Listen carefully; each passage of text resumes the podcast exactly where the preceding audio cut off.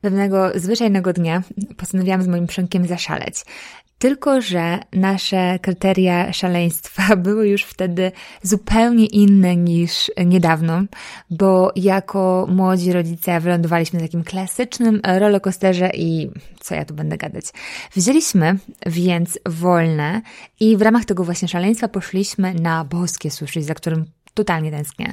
Parę minut od żłobka naszej małej i tak sobie tam siedzimy, wybieramy te jakieś maki i potem gdzieś w trakcie rozmowy mój Przemek mówi coś w stylu a właśnie, będą u nas robić rekrutację za granicę. No więc ja się od razu z miejsca podekscytowałam, bo naprawdę od miesięcy maglowałam temat jakiejś takiej eksperymentalnej wyprowadzki i nie dawałam e, Przemkowi spokoju.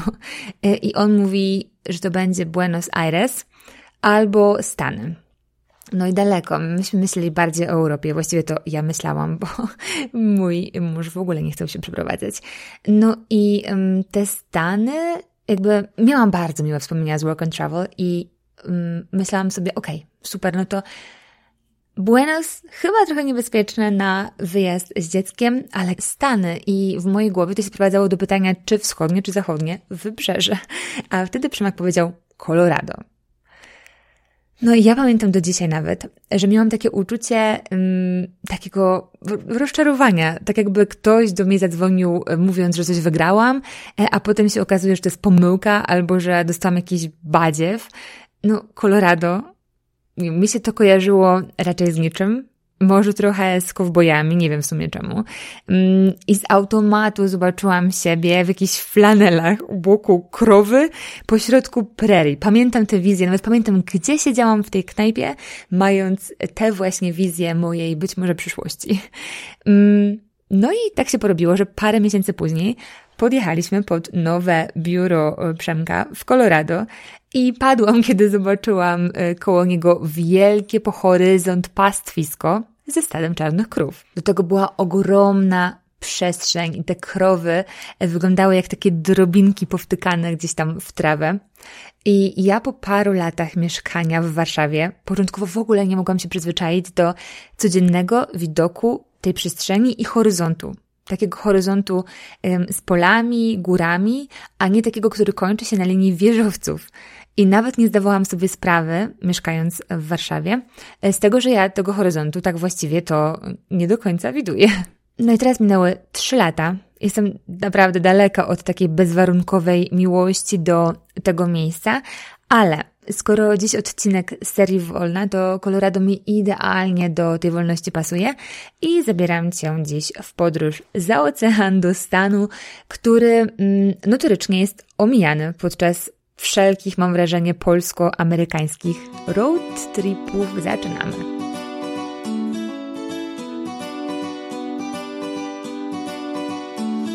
Cześć, tutaj Natalia Ligenza i nagrywam audycję szybka i wolna żeby podzielić się z Tobą energią, pomysłami i moimi pasjami, które być może są też Twoimi. Jeśli chcesz mnie lepiej poznać, to chodź lepiej do odcinka zerowego. Teraz wspomnę tylko bardzo krótko, że zajmuję się pisaniem, psychodietyką i świadomym bieganiem, a w szybkiej i wolnej przeplatam odcinki o szybkiej i wolnej tematyce. Dziś zabieramy się za wolną, a dokładniej wolność i to, jak ona wygląda w tym moim tymczasowym domu, czyli Colorado w Stanach. Wiadomo, że każdy ma jakąś swoją definicję wolności e, i pewnie gdybym wklepała to hasło w Google, to pokazałoby mi się na przykład jakieś hamaki na tajskiej wyspie i praca na pół leżąco. Swoją drogą jestem ciekawa, ilu z nomadów faktycznie tak pracuje. Jest też spory procent e, społeczeństwa i w sumie ja też do niego należę, dla którego e, taka wizja na co dzień byłaby po dłuższym zastanowieniu się lekkim koszmarkiem. I typowy sposób życia w Colorado mocno mi się z wolnością kojarzy. I tak się złożyło, choć kompletnie się tego nie spodziewałam, zwłaszcza jak wracam sobie pamięcią do tych historii o flanelach i krowach, że mm, nie spodziewałam się, że w dużej mierze pokryje się on z moją definicją wolności. Nie kompletnie, nie ma tutaj ideału, Zwłaszcza, że ta swoboda wylotu na spontanie do rodziny, czy generalnie do Europy jest tutaj bliska zeru. Ale jednak to pokrycie mojej wolności z taką wolnością praktykowaną powiedzmy w Colorado jest dosyć spore. I pomyślałam sobie, że ta wolność po koloradowemu będzie tematem na dziś, a wasze głosy na Instagramie to potwierdziły. I tę serię wolną odcinków sponsoruje głównie psychodietetyka, więc mogłoby się zdawać, co ma piernik do wiatraka, ale raz, że chciałam rozszerzyć trochę tematykę i wiem, że Wam też to pasuje, a dwa, że jednak często jest tak, że bujamy się z jedzeniem, bo brakuje nam czegoś. Nie wiadomo do końca czego i potrzebujemy mieć kontrolę w związku z tym nad jedzeniem. E, I bywa, że znalezienie tego brakującego ogniwa, którym może być na przykład kontakt z naturą, o którym powiem zaraz, sprawia, że inne klocki puzzle zaczynają się układać i wskakiwać w dobre miejsce, więc kto wie, może akurat w Twoim przypadku coś w tym odcinku sprawi, że uda Ci się wyregulować inne historie. Okej, okay, także Colorado. W ogóle zanim zacznę nagrywać, powiem, że mam lekką spinę, dlatego że mm, mój kochany synek ukradł mi, zabrał mi popfilter. To jest takie urządzonko, taki mm, powiedzmy fragment mikrofonu, który sprawia, że dźwięki typu P i B nie są tak bardzo dźwięczne i tak nie wybijają się w nagraniu. No i musiałam troszeczkę spreparować inny popfilter. Mam nadzieję, że e, uda mi się to dobrze nagrać, ale jeżeli nie, to z góry przepraszam. Zrobię co mogę, żeby te dźwięki nie były jakieś gwałtowne dla Twojego ucha. Ok, więc teraz zawijając do Colorado.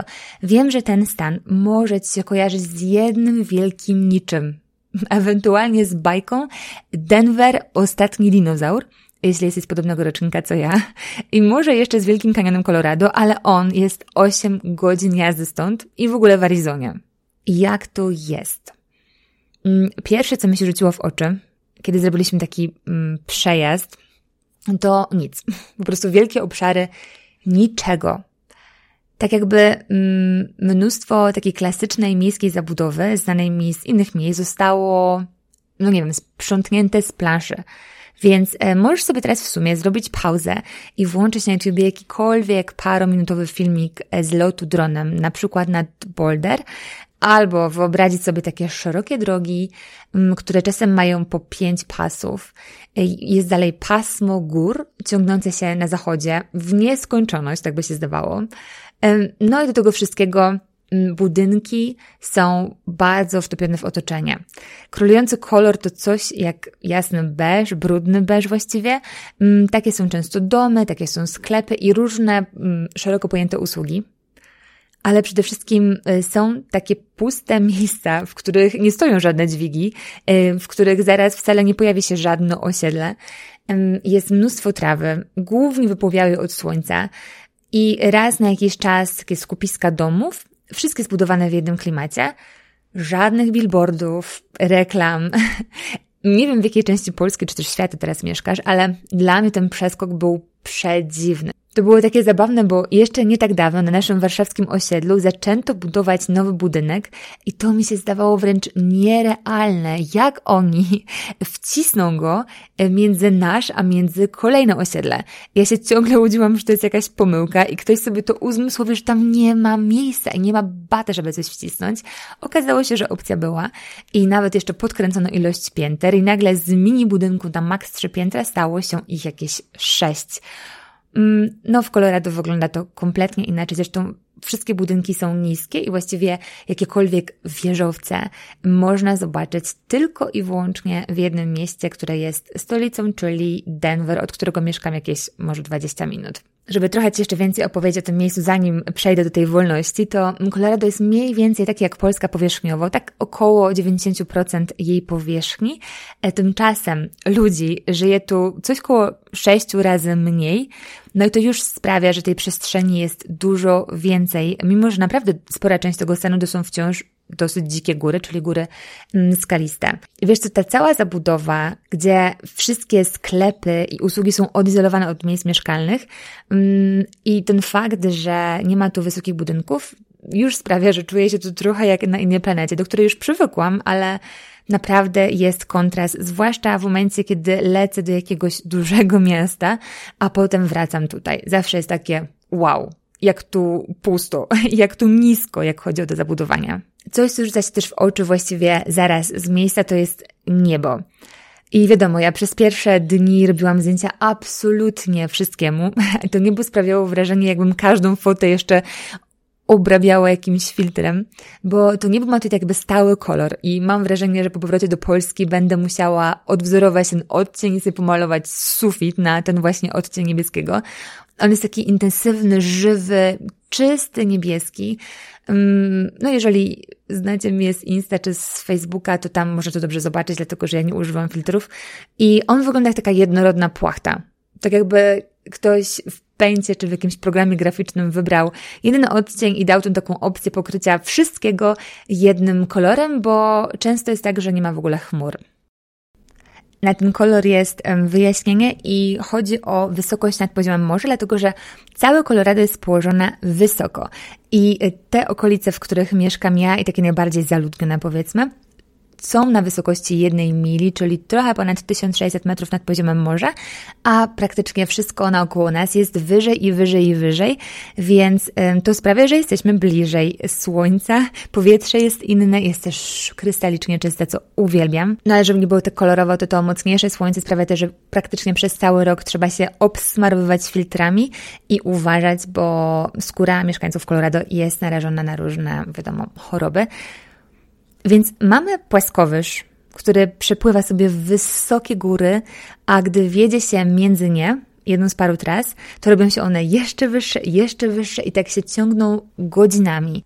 W tym stanie znajduje się rekordowo duża ilość wysoko położonych terenów, więc możesz to zobaczyć absolutnie wszędzie. To jest taki symbol Colorado. W nazwach knajp, na pamiątkach, w przeróżnych lokalnych butikach, na koszulkach, czapkach z daszkiem, na rejestracjach samochodów zarejestrowanych tutaj, no wszędzie. Znak rozpoznawczy góry. W ogóle mieszkając tutaj nie mówisz prawo, lewo, tylko wschód, zachód, no bo zachód to góry. Gdy tego lata mieliśmy ogromne pożary, to po sieci krążył taki mem, gdzie mieszkańcy Colorado przez ten wszechobecny dym nie mogą się w ogóle połapać, bo nagle stracili widok na góry i nie mają punktu odniesienia. I okej, okay, są tu koncerty. Nawet ciekawostka jest taka, że mamy tu taki skalny amfiteatr, bardzo znany, gdzie grały największe gwiazdy muzyki na przestrzeni lat.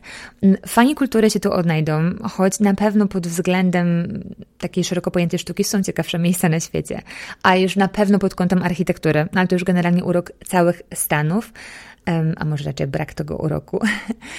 Odnajdą się też fani sportu, takiego, który można jedynie oglądać, na przykład baseballu, hokeja, futbolu i piłki nożnej, bo w Stanach soccer to piłka nożna, a futbol to futbol, ale amerykański. Ale naj, naj, bo totalnie najlepiej będzie się tu żyć i żyje się tu ludziom, którzy kochają outdoor lub takim, którzy są gotowi, żeby się w to wkręcić.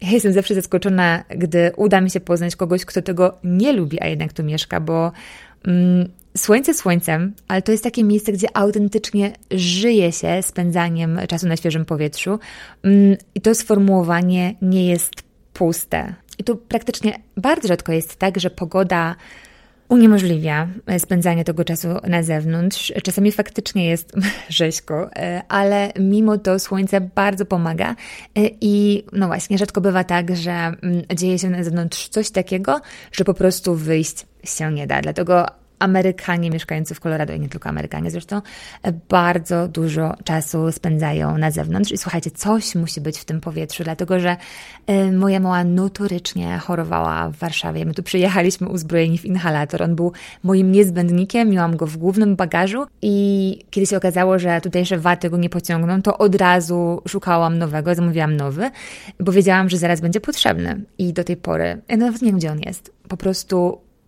Boję się to mówić na głos, bo zwykle, kiedy tak się mówi, to coś się dzieje, ale odpukać.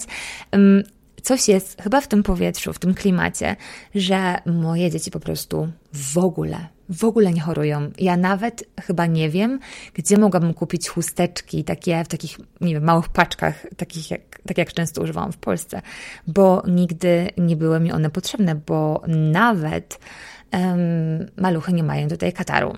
Nic. Okej, okay, myślę sobie, że po tym przydługim, jak zawsze ja um, tworzę wstępie, widzisz już mniej więcej Colorado swoimi oczami. A jeżeli nie, to polecam gorąco właśnie albo YouTube, albo moje konto na Instagramie i tam mam na przykład zapisane relacje i one pewnie pomogą, żeby sobie to tak zobrazować. E, no i obiecałam, że dziś będzie o szeroko pojętej wolności i chcę Ci teraz pokazać różne mm, niuanse tego, że w Colorado ludzie w taki sposób żyją i jakie to ma konsekwencje. Przy czym niektóre z tych punktów e, są specyficzne dla tego stanu, a niektóre wynikają raczej z faktu, że to jest Ameryka. Każdy z 50 stanów, tak myślę, że każdy, ma w sobie coś mniej lub bardziej um, wyróżniającego. I tutaj to właśnie jest ten lifestyle. Um, statystyki to kompletnie potwierdzają, bo w Colorado jest najmniejszy wskaźnik otyłości spośród wszystkich stanów, a do tego najwyższy wskaźnik aktywności i znalazłam dane, że aż 92% mieszkańców bierze udział regularnie w outdoorowych aktywnościach. I co ciekawe, jest to też najwyższa średnia długość życia, która wynosi trochę ponad 80 lat, więc mm, nasuwa się samoistnie wniosek, że to wszystko musi być chyba ze sobą jakoś e, sensownie połączone. Bardzo dużo jest osób pochodzących z innych stanów i w zdecydowanej większości są to Amerykanie, Ciężko tu usłyszeć jakikolwiek inny język niż amerykański, angielski, ewentualnie hiszpański, ale specyfika tego stanu przyciąga konkretne osoby, bo tak jak już powiedziałam, ciężko tu robić cokolwiek innego niż e, szeroko pojęte outdoor. Jeżeli ktoś kocha nie wiem, plażowanie i wieczną wiosnę czy lato, to będzie to najpewniej szczęśliwy. Mamy tu cztery pory roku, no i do wody, takiej większej wody, jest po prostu daleko, trzeba wsiąść w samolot. Jeśli ktoś nie lubi takiej dosyć surowej formy spędzania czasu na zewnątrz, to może tu totalnie uschnąć. Nawet nie warto wtedy tu przyjeżdżać, tak myślę. Może też w ogóle uschnąć od suchości powietrza, bo ona bardzo często wynosi tyle, co na Saharze, dosłownie kilka procent. Mm, I właściwie to nie zdarzają się tu deszczowe dni. Po prostu nie ma dni, gdzie, kiedy sobie kropi, albo pada deszcz, tak po prostu sobie pada deszcz. E, zawsze mnie śmieszy, jak widzę w jakimś sklepie parasolem. Nie wiem, jak to się w ogóle dzieje, że one są te dystrybuowane. Mm, to, że mamy, mm, wynika z tego, że kupiliśmy je w San Francisco, gdzie były potrzebne już pierwszego dnia po wylądowaniu. Ale normalką są takie przerażająco, naprawdę przerażająco gwałtowne burze.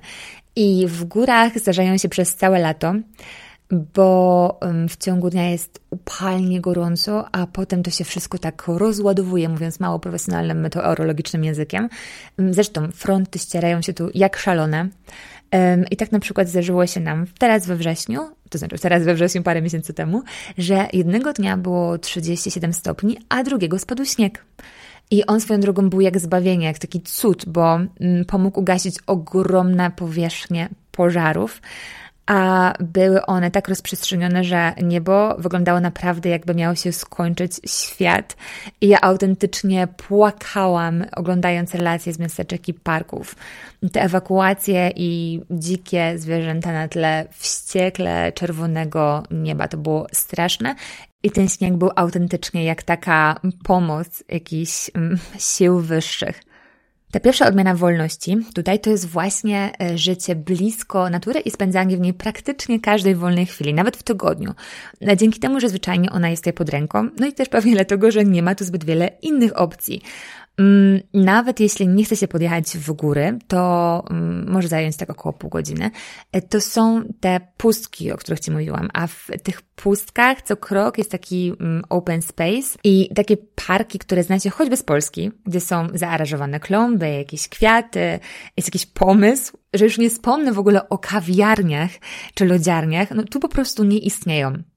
I to nie tak, że w Colorado Generalnie myślę, że architekci krajobrazu specjalizujący się w parkach mogliby mieć ciężko w całych Stanach. A może właśnie w drugą stronę, może to jest jakaś ekstra nisza i przeprowadziliby niezłą rewolucję. Swoją drugą, rewolucja przydałaby się też w restauracjach chociaż nie wiem, czy to słowo restauracja tutaj pasuje tak do końca. Generalnie od kiedy zaczęliśmy je eksplorować, to nie mogę się pozbyć takiej powracającej wizji Magdy Gessler, która wpada sobie tutaj na jakieś zaplecze i rzuca tymi patelniami, bo dla niej, naprawdę dla niej Ameryka byłaby jak, nie wiem, raj na ziemi albo koszmar. Nie jestem pewna co bardziej. Ale to jest historia w ogóle na inną historię. Um, dobra, jak żyje mieszkaniec Colorado w takim razie? dość wolno. I generalizując, tutaj tempo pracy jest sporo wolniejsze niż to, które było naszą, nie tylko naszą normą w Warszawie, czy też tak generalnie w Polsce. Wiadomo, ciężko uogólniać, ale z kimkolwiek nie rozmawiamy, kogokolwiek nie poznajemy, wszyscy mają dokładnie to samo wrażenie. Generalnie w Stanach ilość osób zatrudnionych versus ilość pracy byłaby naprawdę w Polsce uznawana za mocną, mocną nadwyżkę. E, są na przykład takie osoby, które witają Cię po wejściu do marketu, a teraz w dobie pandemii pojawiła się um, na przykład kolejna stojąca przy, kolejna osoba stojąca przy stanowisku z odkażającymi chusteczkami i następna odkażająca wózki i witająca Cię przy wejściu i wysuwająca jeden z tych wózków, na przykład tak, w jednym z marketów. Um, w szpitalu, gdzie urodziły się bliźniaki, miałam wciąż wrażenie, że tego personelu jest jakieś pięć razy więcej niż rodzących. Czasami w moim pokoju już po porodzie były trzy, cztery osoby, a na recepcji siedziało ich kilkanaście i miałam wrażenie, że nie mają za bardzo czym się zająć. Widzieliśmy też kiedyś, teraz mi się przypomniał, takiego pana na przejeździe kolejowym. Generalnie wyglądało to tak. Mm, przyjechał pan, rozstawił takie kampingowe krzesełko, chwilę później zasunął się szlaban, przejechał pociąg, podniósł się szlaban, a razem z nim ten pan z krzesełka i pojechał dalej. Nie wiem, co to za rodzaj stanowiska, nie wiem, na czym polegała jego funkcja, ale tak generalnie, co tu dużo mówić, e, work-life balance tutaj jest o niebo łatwiej zachować. Choć są też pewne minusy, na przykład naprawdę zbójecko mała ilość wolnych dni, urlopu, czy różnych takich świąt wolnych od pracy, długich weekendów i tak dalej. W Polsce pod tym względem jest o wiele lepiej. Wiele osób też pracuje tutaj w Stanach do późnej starości, wtedy kiedy już w Polsce przechodzi się na emeryturę, mm, ale to też wynika z braku wsparcia ze strony państwa. Okej, okay. mieszkaniec Colorado ma więc raczej luz w pracy i po niej najczęściej wsiądzie w auto, wiadomo, wszędzie jest dosyć daleko, mm, i dotrze do domu, Wyjdźcie sobie na jeden z takich open space'ów ze swoim psem albo z dwoma, bo tutaj prawie 50% osób jest właśnie psim panem czy psią panią. Można mieć towarzystwo na okolicznych szlakach, bo motyw wyjścia na hike po pracy jest częsty, zwykły i normalny. Mm, z psem, z dziećmi, z niemowlakami, widywałam tu przeróżne układy, ale też naprawdę często są to osoby starsze, bo tutaj wiek jest taką kwestią umowną. Ja już chyba w ogóle kiedyś wspominałam w którymś z odcinków o moim pierwszym takim długodystansowym, powiedzmy, przejeździe rowerowym tutaj, kiedy się okazało, że ledwie dotrzymuje tempa kobietom naprawdę w mocno zaawansowanym wieku. Swoją drogą to parę z nich mnie zaprosiło potem na strawie i gdy zobaczyłam ich regularne przejazdy po 80, 100 i więcej kilometrów, to w ogóle wszystko stało się jasne. Colorado jest ułożone tak, że z większych miast mamy właściwie mm, cztery, przy czym Denver, największe z nich, można porównać tak teoretycznie do Wrocławia, tak wielkościowo, powierzchniowo. A potem robi się dość mocno kameralnie i to są raczej miasteczka niż jakiekolwiek aglomeracje. Naprawdę jest kameralnie. I te miasta tak sobie leżą na tej mniej więcej wysokości mili, przytulając się nieco do gór. Jeśli więc mieszkaniec któregoś z nich chce skorzystać z górskich cudów mocniej, e, to potrzebuje wsiąść w auto i się przetransportować głębiej i wyżej, a najwyżej jak może. I tam, e, słuchaj, da się dojechać autem, mm, to e, Mount Evans i ona ma około 4300 50 bodajże metrów i da się tam wjechać, no właśnie, właśnie samochodem. I to jest zresztą najwyżej położona asfaltowa droga w całych Stanach, ale ma wiele takich ciut niższych konkurentek. Generalnie są tutaj całe przewodniki po widowiskowych trasach i nawet nie trzeba wychodzić z auta, żeby doświadczyć tych niesamowitych widoków. W ogóle, jakby tak na moment zaparkować przy mm, tej górze, to możesz sobie to wyobrazić. Ruszasz raczej latem, bo przez długą część roku, przez dużą część roku nie może tam wjechać, bo byłoby to zwyczajnie niebezpieczne. I teraz na dole, czyli na tych 1600 metrach, jest upał, po prostu palące słońce i pniesz się cały czas dosyć stromo w górę. Na początku mijasz takie zielone tereny, mm, parę jezior, e, widzisz jeszcze górskie zbocza, drzewa, ale za jakiś czas, tak dosłownie po kilkunastu minutach e, takiej samochodowej wspinaczki przenosisz się na zupełnie inną planetę. I jest takie duże jezioro, które wygląda jak z epoki lodowcowej. E, potem wyjeżdżasz ponad linię drzew i widzisz jedynie przepaść, często bez barierek, właściwie głównie bez barierek. Mm, druga jest naprawdę taka sobie. Więc możliwe, że urośnie ci ciśnienie, no bo co się stanie, jeżeli coś się stanie? Możesz też czuć, że ciężej ci oddycha, jakby po części ze spiny, ale też dlatego, że tak szybko zmieniasz wysokość i to powietrze jest po prostu inne. No i teraz też potrzeba większej czujności przy prowadzeniu, więc jeżeli jesteś kierowcą, to najpewniej w ogóle nie masz okazji, żeby za dużo się porozglądać, bo potrzebujesz się skupić na e, panowaniu nad, aut, nad autem na tych serpentynach.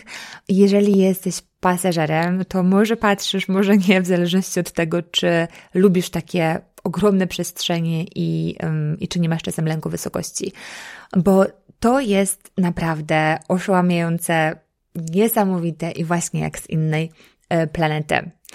Ten krajobraz się zmienia w taki charakterystyczny dla tundry, a potem robi się naprawdę bardzo surowo. Jest skaliście, widać z góry coraz więcej innych szczytów. E, na przykład Pikes Peak, on jest też e, innym miejscem, gdzie można sobie wjechać autem, niewiele niższym. I swoją drogą, dzięki e, niemu powstała m, jedna e, z takich bardzo znanych pieśni patriotycznych America the Beautiful i jej autorka stworzyła ją właśnie pod wpływem podróży na Pikes Peak. E, więc widać go właśnie po drodze. E, Mount Evans swoją drogą jest jedną z 58, jeden z 58, 14 tysięczników, to znaczy w stopach oczywiście mówiąc, bo to są jedne, inne jednostki absolutnie na wszystko. 14 tysięczniki to są szczyty powyżej 4200 metrów i rekordowa ich ilość jest oczywiście właśnie tutaj w tym stanie.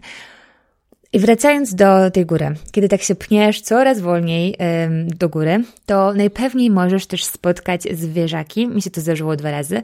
E, to może być taka górska koza, cała śnieżno-biała, wyglądająca przepięknie.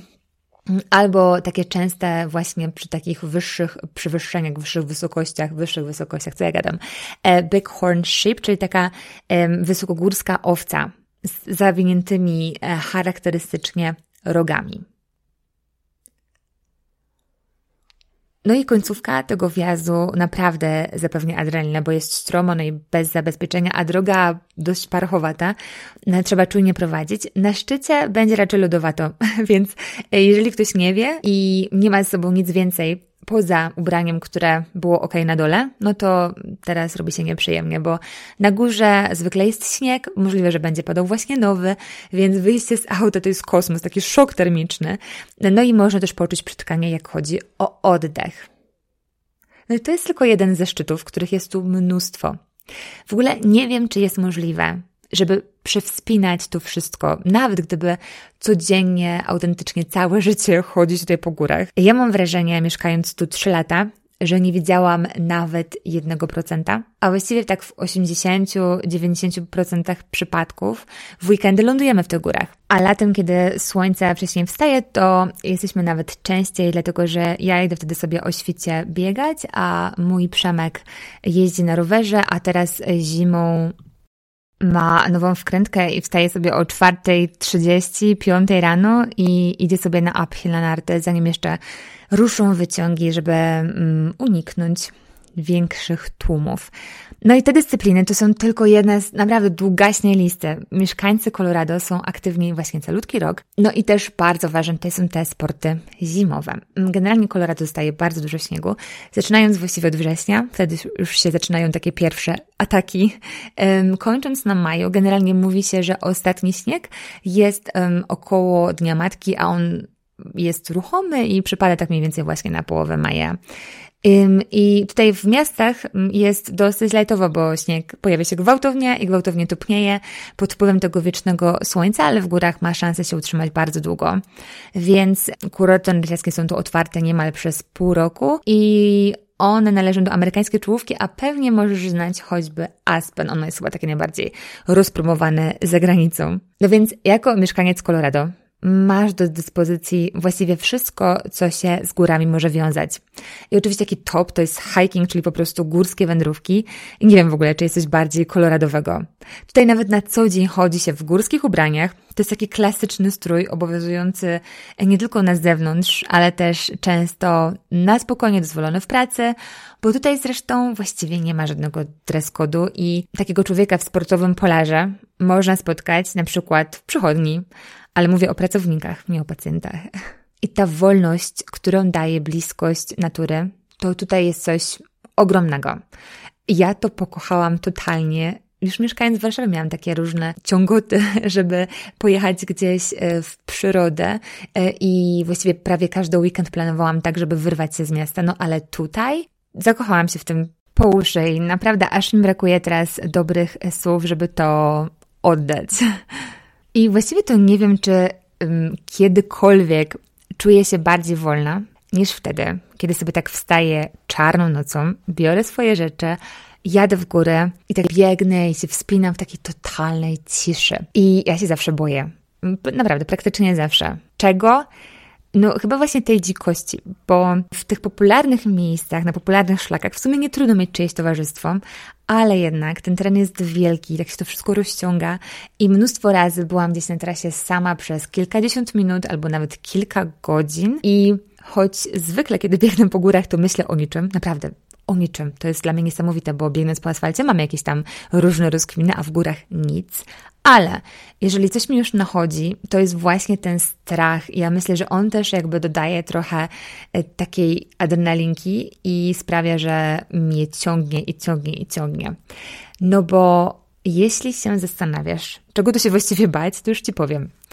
Wyobraź sobie, że jesteś na szlaku i nigdy nie wiesz tak naprawdę, kto właśnie cię minął, albo kto cię widzi za krzaków, czy tam za drzew. A właściwie co? Bo mam na myśli dzikie zwierzęta. I w żadnym innym stanie nie ma tyle pum, co tutaj. Tutaj nazywają się Mountain Lions i mamy ich około 7 tysięcy.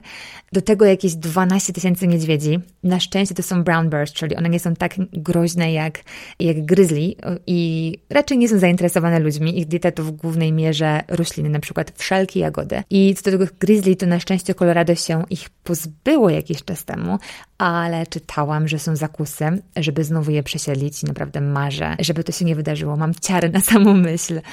I wracając do pum, czy tam panter, kugarów, bo mm, różnie się one nazywają, wiadomo, że są drapieżne. Na szczęście bardzo rzadko atakują ludzi, bo im na tym nie zależy. Jeżeli już, to robią to te niedoświadczone osobniki, ale one wciąż są groźne. I mimo, że wiem, że codziennie tysiące, setki tysięcy osób się błąka po tych górach, to i tak mam ciary, kiedy jestem sama i wtedy słyszę absolutnie wszystko. Także ćwiczę swój charakter właśnie biegając gdzieś tam, sama wiedząc, że za krzakami, za drzewami jest tych zwierząt pełno. Mamy tu takie mapy aktywności zwierząt i patrząc na nie mogę generalnie być właściwie pewna, że już nie jedna puma mnie gdzieś tam z daleka obserwowała, ale na szczęście nie zdecydowała się na bliższy kontakt. No i właśnie, sama ta świadomość, że jestem w terenie, gdzie są te dzikie zwierzęta, do czego nie przywykłam, sprawia, że czuję delikatnie mówiąc poddenerwowanie. Jeśli się kocha obserwowanie dzikich zwierząt, to opcji tutaj jest mnóstwo. Tak naprawdę czasami nawet na osiedlu. Na naszym poprzednim było sporo kojotów, i właściwie to notorycznie trafiłam na nie albo o świcie, albo o zachodzie słońca, bo to jest taka pora, kiedy one najchętniej wybiegają. I czasami też spotykałam tam właśnie ludzi siedzących sobie na krzesełkach kampingowych z lornetkami albo z aparatami i czekającymi właśnie, aż te kojoty się zbliżą. Też często, zwłaszcza latem, słuchajcie w nocy, jak tak śpiewają, tak zawodzą. Swoją drogą mówi się, że to są bardzo mądre zwierzaki. Słyszałam nawet określenia God's dog. Um, one raczej nie atakują ludzi, prędzej inne psy i się bardzo przystosowały do cywilizacji. Żyją blisko ludzi, dlatego właśnie można je spotkać przy jakimś takim pierwszym, lepszym osiedlu na open space. Inne zwierzaki, które są bardzo charakterystyczne dla Colorado, to są takie pieski preriowe. One są chyba z rodziny gryzoniowatych, wyglądają jak takie przerośnięte, nie wiem, coś między świstakiem a świnką morską i zwykle są na dwóch nóżkach, a biegają na czterech.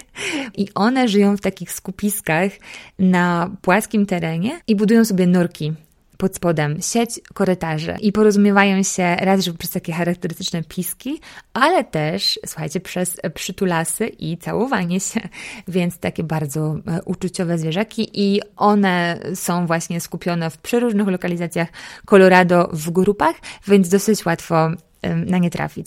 I inne takie zwierzaki e, dzikie, które można z dużym prawdopodobieństwem spotkać tutaj w kolo, to są na przykład łosie. One wolą już takie bardziej ukryte tereny, ale zdarzyło nam się parę razy na nie wpaść i najbardziej wspominam jedno spotkanie, gdzie byliśmy już dosyć głęboko w górach e, ze znajomymi i w pewnym momencie właśnie zobaczyliśmy dwa łosie, które były tuż przy naszej trasie.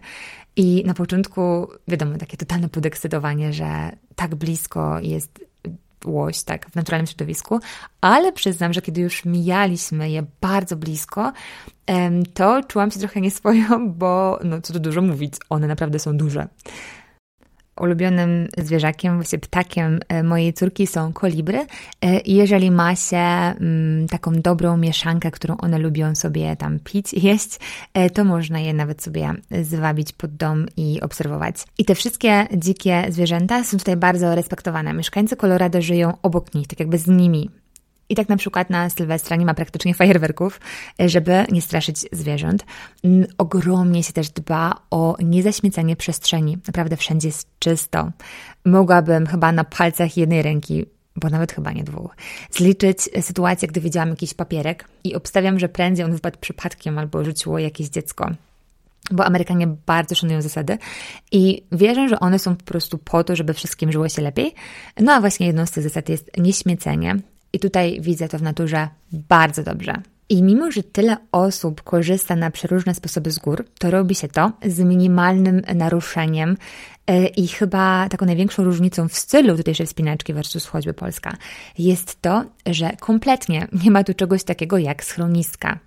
I to nie znaczy, że nie robi się wspinaczek z noclegiem, bo się robi i to często.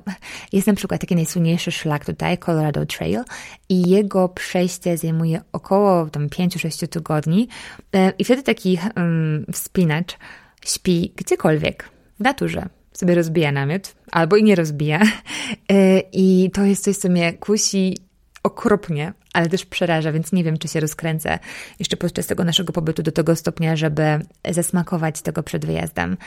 Ale no, myślę, że to mogło być coś niesamowitego. Jestem ciekawa, czy w ogóle to są też Twoje klimaty i czy byś się zdecydowała albo zdecydował, daj mi znać. Wydaje mi się, że to byłby kosmos. Ten motyw spania tutaj e, ze świadomością, że nie jest się samemu, no nie wiem, ciary. I to dobre, i to złe jednocześnie. W ogóle podejrzewam, że w moim przypadku skończyłoby się koczowaniem na drzewie i na pewno bym nie zasnęła, ale w sumie nie wiem, czy to jest idealna opcja, bo i pumy, i niedźwiedzie, czyli moje największe lęki, też potrafią na to drzewo wejść i to o wiele lepiej niż ja, także muszę to jeszcze przemyśleć. Niesamowite jest też dla mnie to, że mieszkańcy Colorado są oswojeni z tym tematem.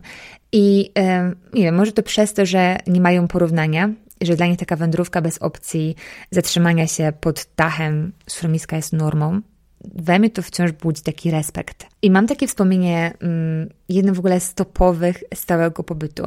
Byliśmy na, powiedzmy, mini wakacjach e, w miejscowości Buena Vista. Ona jest położona na takiej wysokości jak mniej więcej polskie rysy. I już wcześniej sobie upatrzyłam taką przepiękną trasę idącą grzbietami gór. I już widząc ją dzień wcześniej miałam y, ciarki. W ogóle mam wrażenie, że ja często będę używała tego słowa, ale obiecuję, że zaraz jedę z tematu natury, więc te ciarki też automatycznie znikną. E, w każdym razie mm, miałam takie podwójne ciarki. Raz, że wyglądała ona niesamowicie, a dwa, że już wiedziałam, że to jest bardzo burzowy rejon i burzowy okres. I dzień wcześniej byliśmy tam na wędrówce z dziećmi, z ekipą znajomych i na trasie trzy razy zapała nas taka burza, że naprawdę uginały się pode mną nogi i sobie wtedy obiecałam, że nigdy więcej gór, że już nigdy więcej. E, a dodam, że mijane przez osoby były całkiem spokojne, e, więc e, naprawdę dosyć duży kontrast versus to, co przeżywałam ja. W każdym razie, e, ta trasa, o której Ci mówię, która tak mi się spodobała z daleka, Cottonwood Pass, wybrałam się na nią o świcie, wjeżdżałam autem tak wyżej i wyżej, na coś koło 3500 metrów, no i potem zaczęłam taki mój truchtomarsz, no bo biec tam się naprawdę nie dało dłużej niż parę minut. I po chwili byłam na wysokości 3700 i czułam naprawdę braki tlenu, więc um, moment truchtałam, potem szłam. W każdym razie te widoki um, i tak um, sprawiały, że nie mogłam się na niczym skupić. E, były przepiękne i naprawdę łzy mi leciały ciurkiem. Ja nie jestem jakaś specjalnie, nie wiem, egzaltowana. E, widok był 360 stopni, wszędzie inne szczyty, jeziora, doliny, skały i miałam autentycznie wrażenie, jakbym była na dachu świata, a to przecież nawet nie była połowa tego dachu, także nawet nie wyobrażam sobie, jak niesamowicie musi być w Himalajach. No i byłam sama, zupełnie cicho, dopiero wschodziło słońce, ostre powietrze. Miałam jakieś tam dzikie kwiaty, świstaki. Zauważyłam też pika, to jest taka, e, taki tutejszy gryzoń. No i przysięgam, że czułam się cudowniej niż, uwaga, stojąc przy mm, Wielkim Kanionie czy paru innych takich topowych punktach w Stanach. Myślę, że to chyba dlatego, że doświadczanie natury samodzielnie to jest jakby zupełnie inna historia niż takie w tłumie, gdzie czasami nawet ciężko jest, nie wiem, zrobić zdjęcie, tak żeby nie było nikogo innego w kadrze. I to nawet nie jest tak, że ja krytykuję, ale jeśli nie miałeś, nie miałaś okazji, żeby wybrać się tak zupełnie kameralnie gdzieś tam w ciszy i być może właśnie w pojedynkę, to warto spróbować, bo według mnie to jest zupełnie inne doświadczenie i takie bliższe naturze właśnie. No i wracając do tej grani, gdy odeszłam może z godzinę drogi, to już zaczęłam się czuć tak mocno nieswojo na wspomnienie tego, że dzień wcześniej te burze zaczynały się praktycznie od rana, a nie tak jak zwykle od popołudnia. No i zaczęłam powoli wracać, myśląc, że przecież jestem na grani, że jestem zupełnie wyeksponowana i z każdej strony jest właściwie przepaść. No i niedługo później minęłam taką parę naprawdę starszych osób. Um, oni szli z całym ekwipunkiem i byli w trakcie wielodniowej wspinaczki całym Continental Divide, czyli właśnie mm, pasmem, który, które oddziela rzeki, które wpadają do jednego i do drugiego oceanu. Także ilekroć się tu boję, tylekroć, ja nie wiem, tak się mówi, spotykam kogoś, kto się boi mniej albo wcale. Naprawdę mieszkańcy Colorado są niesamowici i tacy obyci. Ja po prostu wiedziałam, że jak zacznę od tematu natury, to to będzie jakaś totalna klęska. Przychodzi mi na myśl jeszcze pełno różnych historii o tym, jak e, biegłam mój bieg 12-godzinny i zaczynaliśmy o 5 rano i o 3 już musiałam wstać i wbiegaliśmy w ciemny las więc e, już tak naprawdę ucinając ten temat natury, wspomnę tylko, że ten hike, czy generalnie bieganie, rower, to jest tylko jakaś jedna z wielu przeróżnych opcji tutaj, bo okej, okay, rowery rowerami, ale w Colorado jeździ się również po śniegu. Jest wspinaczka skałkowa i w lodzie. Wszelkiego rodzaju sporty zimowe, you name it, jest cała masa. Mm, Colorado żyje w ogóle zimą na pełnej petardzie. Kocham to w tym stanie. Uwielbiam te białe szczyty, taki brokatowy puszek, który sobie błyszczy w słońcu i taką białą przestrzeń. W weekendy jest tak, że od świtu mieszkańcy Colorado cisną takim równym tempem w góry, żeby jeździć, się wspinać, a kiedy przyjdzie burza śnieżna i co się z tym wiąże, tak zwany powder day, to mnóstwo osób um, ma wtedy wolne, często szkoły są zamykane, więc gdzie lądują? Wiadomo, w górach. No i są jeszcze wszystkie wodne atrakcje. Do mórz oceanów nam daleko, ale są rzeki, jeziora, potoki, a za tym idzie paddleboardy, są łódki, kajaki, rafty, też takie tratwy, um, którymi można płynąć przez parę dni, potem się robi camping i płynie się dalej i dalej. Um, no i nawet słowem nie wspomniałam o golfie, a to jest też element lifestyle'u tutejszego. Pól jest mnóstwo. Najwyżej położone jest na około 3000 metrów. W naszej okolicy, dosłownie w zasięgu pieszym, jest parę i widzę tam ludzi autentycznie cały rok i absolutnie w każdym wieku. Mnóstwo osób łowi tu na przykład ryby, albo po prostu bierze hamak i sobie zawiesza gdzieś tam na trasie, gdzieś między drzewami z widokiem na miasteczko. Często też je się na zewnątrz. Właściwie wszystkie te miejsca postojowe mają grille i stoły, więc można sobie zrobić coś na ciepło albo i nie na ciepło i sobie zjeść przed e, spacerem. I już kończąc, przysięgam, tę część o byciu w naturze, to jest jeszcze jeden mocno amerykański aspekt i e, chodzi o kampery, które tu nazywają się RV. W Stanach one mają naprawdę wielki sens, no bo wiadomo, te odległości są kosmiczne.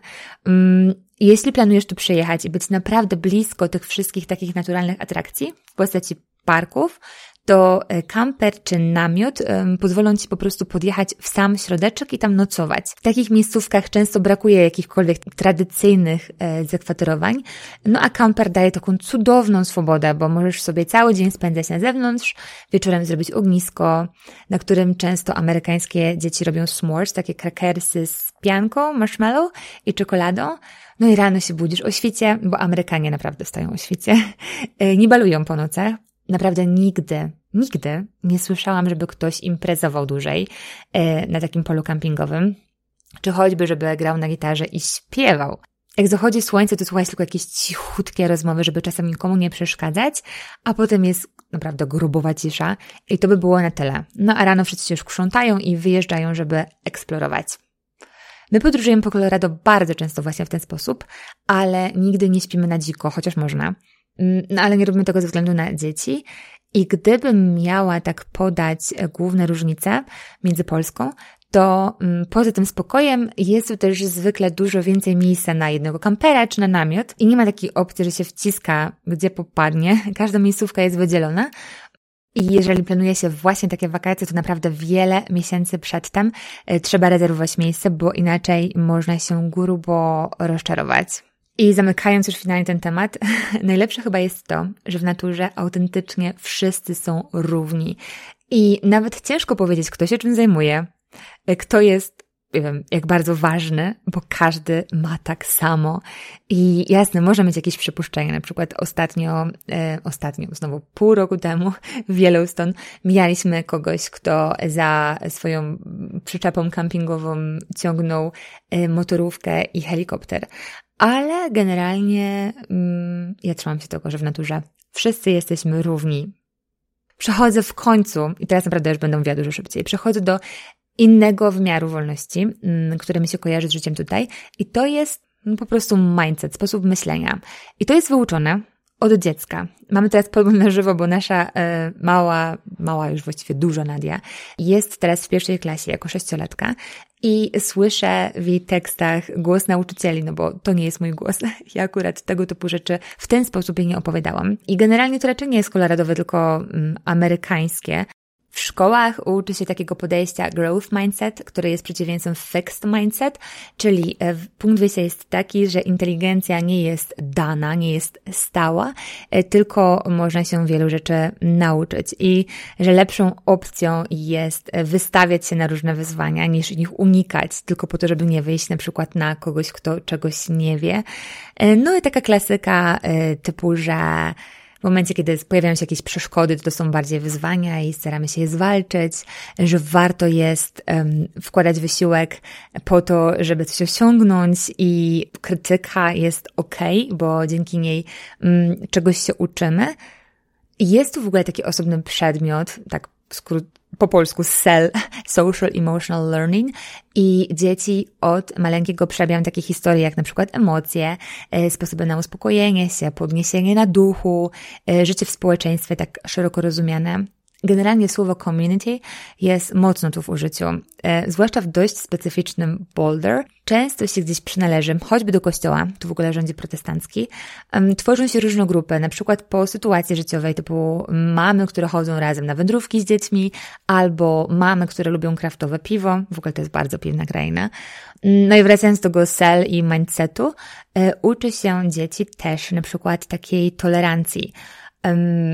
Raz, że szkoły mają swoje rankingi i jedną ze składowych jest różnorodność, więc w ogóle nie jest to dziwne, że w klasie są mieszanki ras, mm, choć pewnie są stany, gdzie różnorodność jest bardziej widoczna niż tutaj w Colorado, bo ona jest jednak dosyć takie, potocznie mówiąc, białe i amerykańskie. Dużo się mówi o niepełnosprawności, o równości, o możliwościach, o wierze w siebie, tolerancji, asertywności, różnicy poglądów.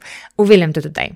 I czasami Nadia um, sama to włapuje gdzieś u mnie, chociaż ja jestem naprawdę bardzo tolerancyjna i poprawia mnie, jeżeli słyszy, że powiedziałam cokolwiek, co budzi taką wątpliwość, czy ja jestem otwarta na na przykład różne opinie. Tak trochę zakręciłam teraz, ale wyskakuje do mnie z takimi tekstami na zasadzie, że to jest okej, okay, że ona myśli inaczej, że dobrze jest mieć różnicę zdań, że każdy zasługuje na szacunek, że różnorodność jest ciekawa i inne takie i pewnie cytuję dosłownie to, co jest w szkole.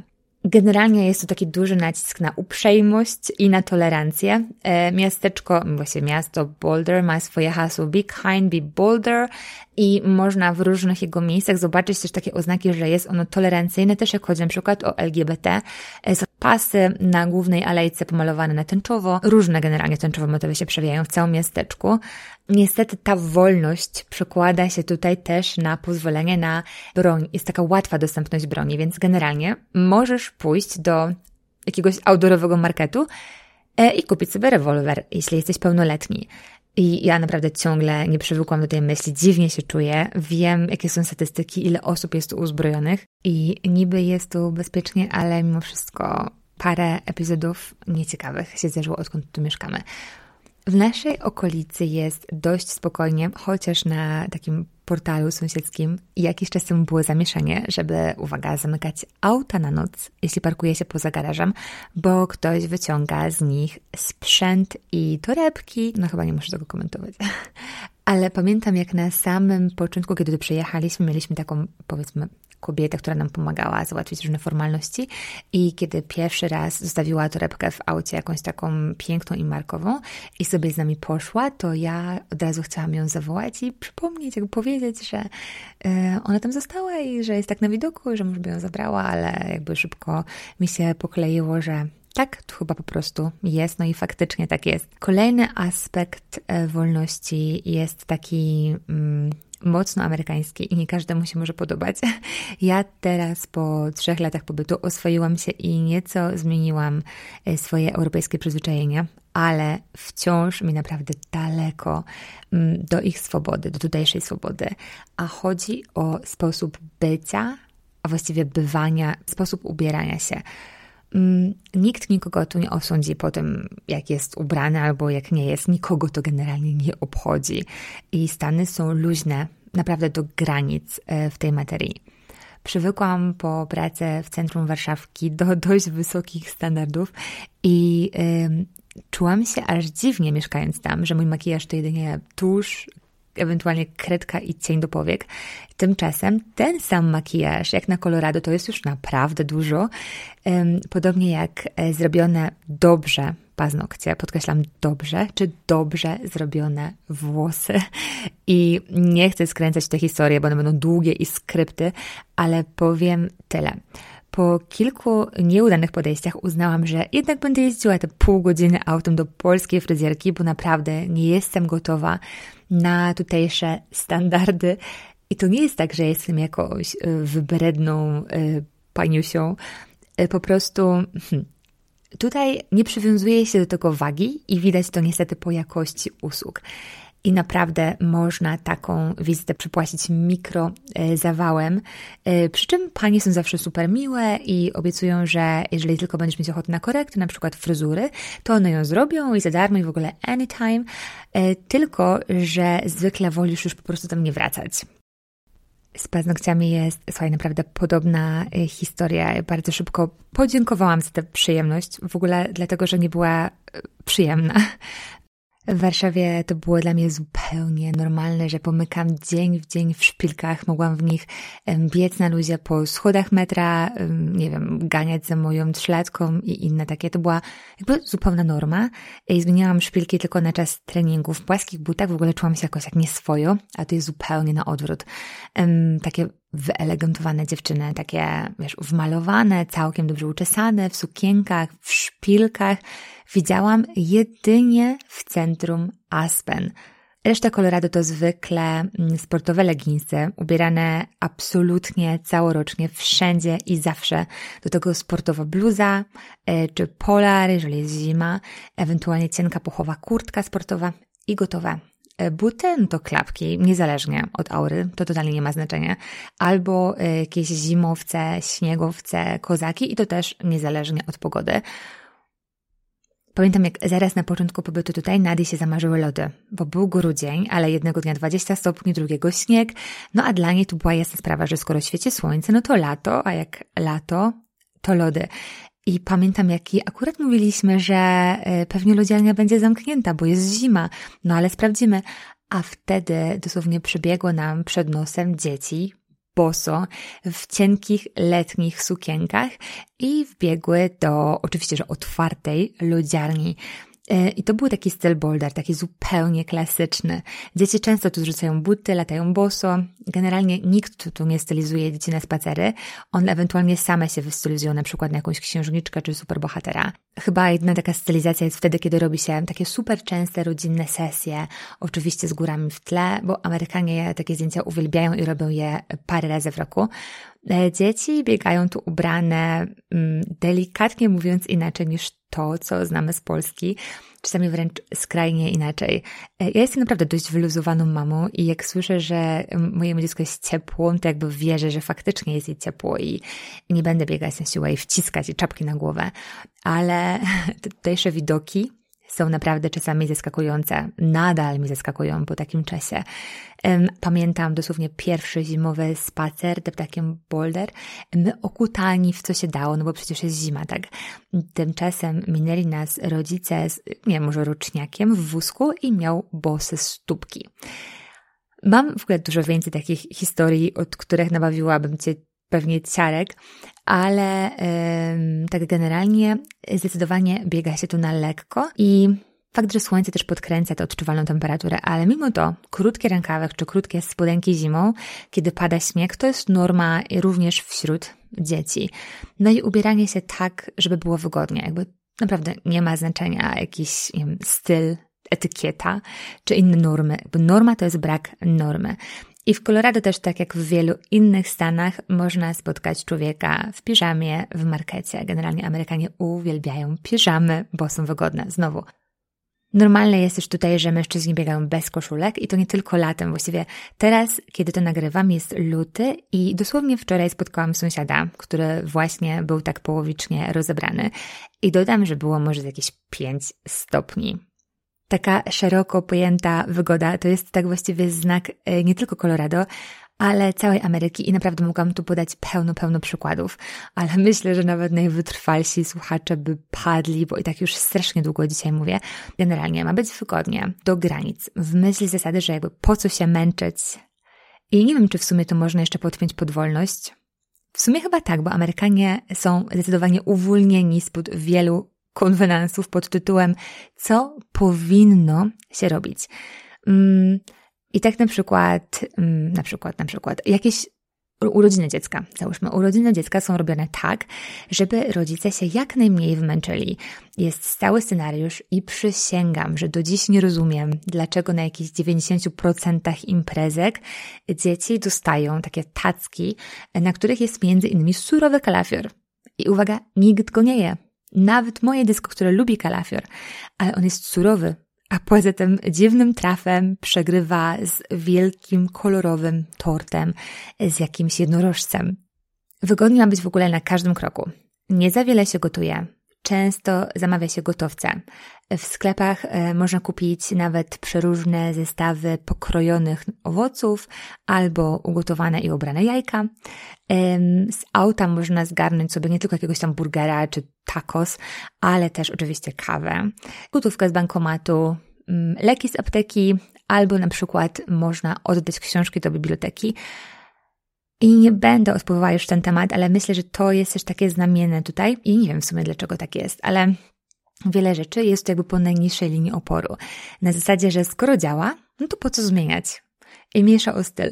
I nie mówię właśnie tylko o tym wyglądzie, czy na przykład architekturze miast, czy o wystroju knajp, albo właściwie o braku wystroju knajp, ale też choćby o amerykańskich domach. Jeśli myślisz, że w czymkolwiek one przypominają to, co jest w jakiejś tam, nie wiem, żona Hollywood, no to bardzo nie. Um, ale wiesz co, jeżeli ten temat Cię głębiej interesuje, to zapraszam Cię gorąco na inny podcast, w którym jestem tylko jedną z trzech uczestniczek. E, nazywa się Ameryka z szafy i e, nagrałyśmy parę odcinków z moimi wirtualnymi koleżankami z Kalifornii i z północnej Karoliny, e, z Kasią z Pani Kruk i z Anią z California Dreaming i nagrałyśmy tych podcastów parę, a teraz mamy trochę problemy, żeby się czasowo zgrać, ale można tam posłuchać o różnych kwiatkach z Ameryki, i zestawiamy trzy różne perspektywy z trzech różnych stanów i mamy tam naprawdę delikatnie mówiąc ubaw. A jeszcze naprawdę ostatnia rzecz w temacie tych właśnie domów i nie tylko. odnoszę wrażenie, że jest dużo mniejsze przywiązanie do rzeczy materialnych. I na przykładzie właśnie tego domu Amerykanin nie określa się tak mocno poprzez lokalizację.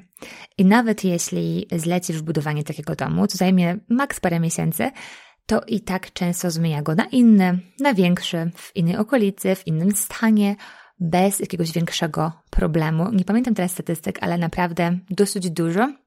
Amerykanie się przeprowadzają. Ale podsumowując ten cały blok, e, w Ameryce wolność jest w cenie. I to nie tylko taka wolność jakby ze sloganu, tylko taka życiowa. Na zasadzie, że możesz myśleć co chcesz, zachowywać się jak chcesz, jak lubisz i raczej nie zostaniesz osądzony, o ile, o ile nie łamiesz prawa e, i nie szkodzisz innym, nie szkodzisz swojej community. Wtedy to już jest zupełnie inna historia.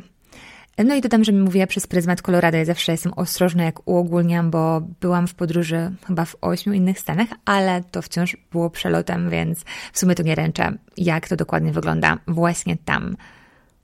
A, jeszcze, ten luz widać też na drogach nawet gdy jest 5-6 pasów, takich gazujących i szarpiących wariatów, praktycznie się nie widzi. Jedzie się naprawdę takim jednym, zgodnym tempem i bardzo mało na drodze jakiegoś takiego rozemocjonowania nerwów i tak dalej. Swoją drogą miałam kiedyś taką małą, trochę żenującą akcję, powiem, bo ona dobrze odda tutejszy mindset. Byłam na parkingu podziemnym, no i oczywiście klasyka gatunku i zgubiłam ten przeklęty bilecik, więc um, zawróciłam już od tego szlabanu, bo dopiero wtedy się zorientowałam, że nie mam e, tego papierka. Um, zaparkowałam sobie, będąc przekonana, że jestem na miejscu parkingowym e, i zaczęłam szukać e, i grzebałam tam z przodu, z tyłu, wszędzie. Oczywiście wydawało mi się, że przepadł i naprawdę zajęło mi to dłuższą chwilę, i w pewnym momencie już jakby wydobyłam go, spoko, wyszłam z auta e, i zorientowałam się, że za mną stoi ileś tam aut i na początku miałam takie, jakby, o co chodzi, tak? E, bo ten wężyk był naprawdę spory. No i okazało się, że ja wcale nie zaparkowałam na miejscu parkingowym, tylko akurat w miejscu, które powinno być przejazdem między rzędami i przez ten cały czas, który naprawdę podkreślam był dosyć spory, nikt mnie nie poganiał, nikt na mnie nie zatrąbił, po prostu wszyscy cierpliwie czekali, mimo że naprawdę mogliby na luzie mnie wyprzedzić, przejeżdżając przez wolne miejsca parkingowe, ale z jakiegoś powodu tego nie zrobili. Swoją drogą, skoro tak weszłam na temat y, pojazdów, to mm, do pracy wiadomo, może też dojechać na rowerze, chociaż odległości są spore, ale są specjalne dni promujące te opcje, a raz e, w roku organizowany jest też w Boulder taki dzień płynięcia do pracy na pontonie. I to pontony na rzece są takie bardzo amerykańskie. Kiedy jest ciepło, to po rzece właśnie płynie pełno osób mm, w takich y, dmuchanych wielkich pontonach y, i to jest też element tutejszego lifestyle'u. Okej, okay, teraz wiesz już trochę więcej o tym, jak żyją sobie ludzie w tej e, krainie dawnej gorączki złota i doktor Queen, czyli widzisz, w sumie wcale nie byłam aż tak daleko z tą wizją krów jakiejś prerii, no ale nie tylko na tym się opiera tutejszy klimat. Powiedziałabym więc, że wolność po mm, koloradowemu to gdzieś w co najmniej 50% jest ta natura, a cała reszta to taka zbieranina podejścia, pełnego otwartości, mm, swoboda w życiu po swojemu, bez rozkminiania, co pomyśli sąsiad, ktokolwiek inny. Mm, I do tego takie amerykańskie podejście w stylu mogę robić co zechcę, jeśli nie ranię innych. No i to byłby przepis. Wiele z tych rzeczy można sobie wziąć, jeśli się ich jeszcze nie ma, a już zwłaszcza gorąco i naprawdę z uporem obsesyjnej maniaczki zachęcam do spróbowania prawdziwego bycia w naturze. Nie tylko w takich topowych miejscach, gdzie napierają tłumy, ale właśnie gdzieś, gdzie ich nie ma, gdzie jest bardziej niepopularnie, a może właśnie dzięki temu lepiej dla Ciebie. I nawet jeśli ktoś jest zagorzałym fanem miasta, swoją drogą ja też byłam taką fanką, to znam pełno przypadków, gdy po takim autentycznym zetknięciu się z wolnością, jaką daje outdoor, coś przeskakuje w głowie i już nic nie jest takie samo jak wcześniej. I chce się nieco więcej, nieco dłużej, ale tak wciąż bez presji. I ten brak presji, myślę sobie, to jest takie prawdziwe złoto dzisiejszych czasów. I nie wiem jak ty, ale ja cenię to sobie o niebo bardziej niż materialne rzeczy. Tyle na dziś. Dziękuję Ci ogromnie za słuchanie i za to, że ze mną jesteś. Zapraszam do poprzednich odcinków, jeżeli jeszcze ich nie słuchałaś, nie słuchałeś. I przypomnę jeszcze tylko, że jeśli chcesz zobaczyć więcej, nie tylko z życia w Colorado, ale generalnie mojego podejścia, zajęć, zainteresowań, to chodź na ranwithmam.pl, na Instagram Run i na Facebooka pod tą samą nazwą albo wpisz moje imię i nazwisko Natalia Ligenza i jeszcze tylko przy okazji użyję tego miejsca, żeby odpowiedzieć na pytania, które się ostatnio bardzo często powtarzają o Patronite. E, ja nie chcę korzystać z tej platformy, nie mówię, że nigdy, ale teraz nie. Jeżeli nie wiesz, czym ona jest, to to jest takie miejsce, gdzie wspiera się ulubionych twórców e, finansowo, bo jakby nie było tworzenie do sieci, to pełno czasu i energii i naprawdę jest mi strasznie miło za każdym razem, kiedy o to pytacie, bo to dla mnie coś znaczy. E, ale powiem tutaj to, co mówię też w innych miejscach, że e, jeżeli chcesz mnie wesprzeć, za co będę bardzo wdzięczna i co jest dla mnie bardzo ważne, to mm, zapraszam do kupienia któregoś z moich produktów, które są dostępne na moim blogu ranowmam.pl w zakładce sklep. E, nawet jeżeli nie potrzebujesz niczego związanego z bieganiem, czy też z psychodietetyką, to być może ktoś z Twojego otoczenia będzie mógł z tego skorzystać i to jest póki co jedyna forma e, finansowego wsparcia mnie. Jeżeli masz na nią oczywiście ochotę, a że te pytania się często powtarzają, to po prostu o tym dziś wspominam. Dziękuję jeszcze raz za słuchanie dzisiejszego odcinka i słyszymy się już za tydzień. Daj mi proszę znać, jak dzisiaj było. Mam nadzieję, że brak tego filtra nie przeszkodził w nagraniu tego odcinka w miarę dobrej jakości i liczę na to, że mimo wszystko odnajdę magiczne miejsce, w którym mój synek ten popfilter ukrył. A teraz życzę Ci cudownego tygodnia i słyszymy się następnym razem w odcinku serii Szybka. Do zobaczenia i do usłyszenia w social media i daj mi proszę znać, jak po dzisiejszym odcinku, czy coś Cię zaskoczyło, czy czujesz tę wolność z Colorado, czy w ogóle kompletnie nie. Do usłyszenia następnym razem. Cześć!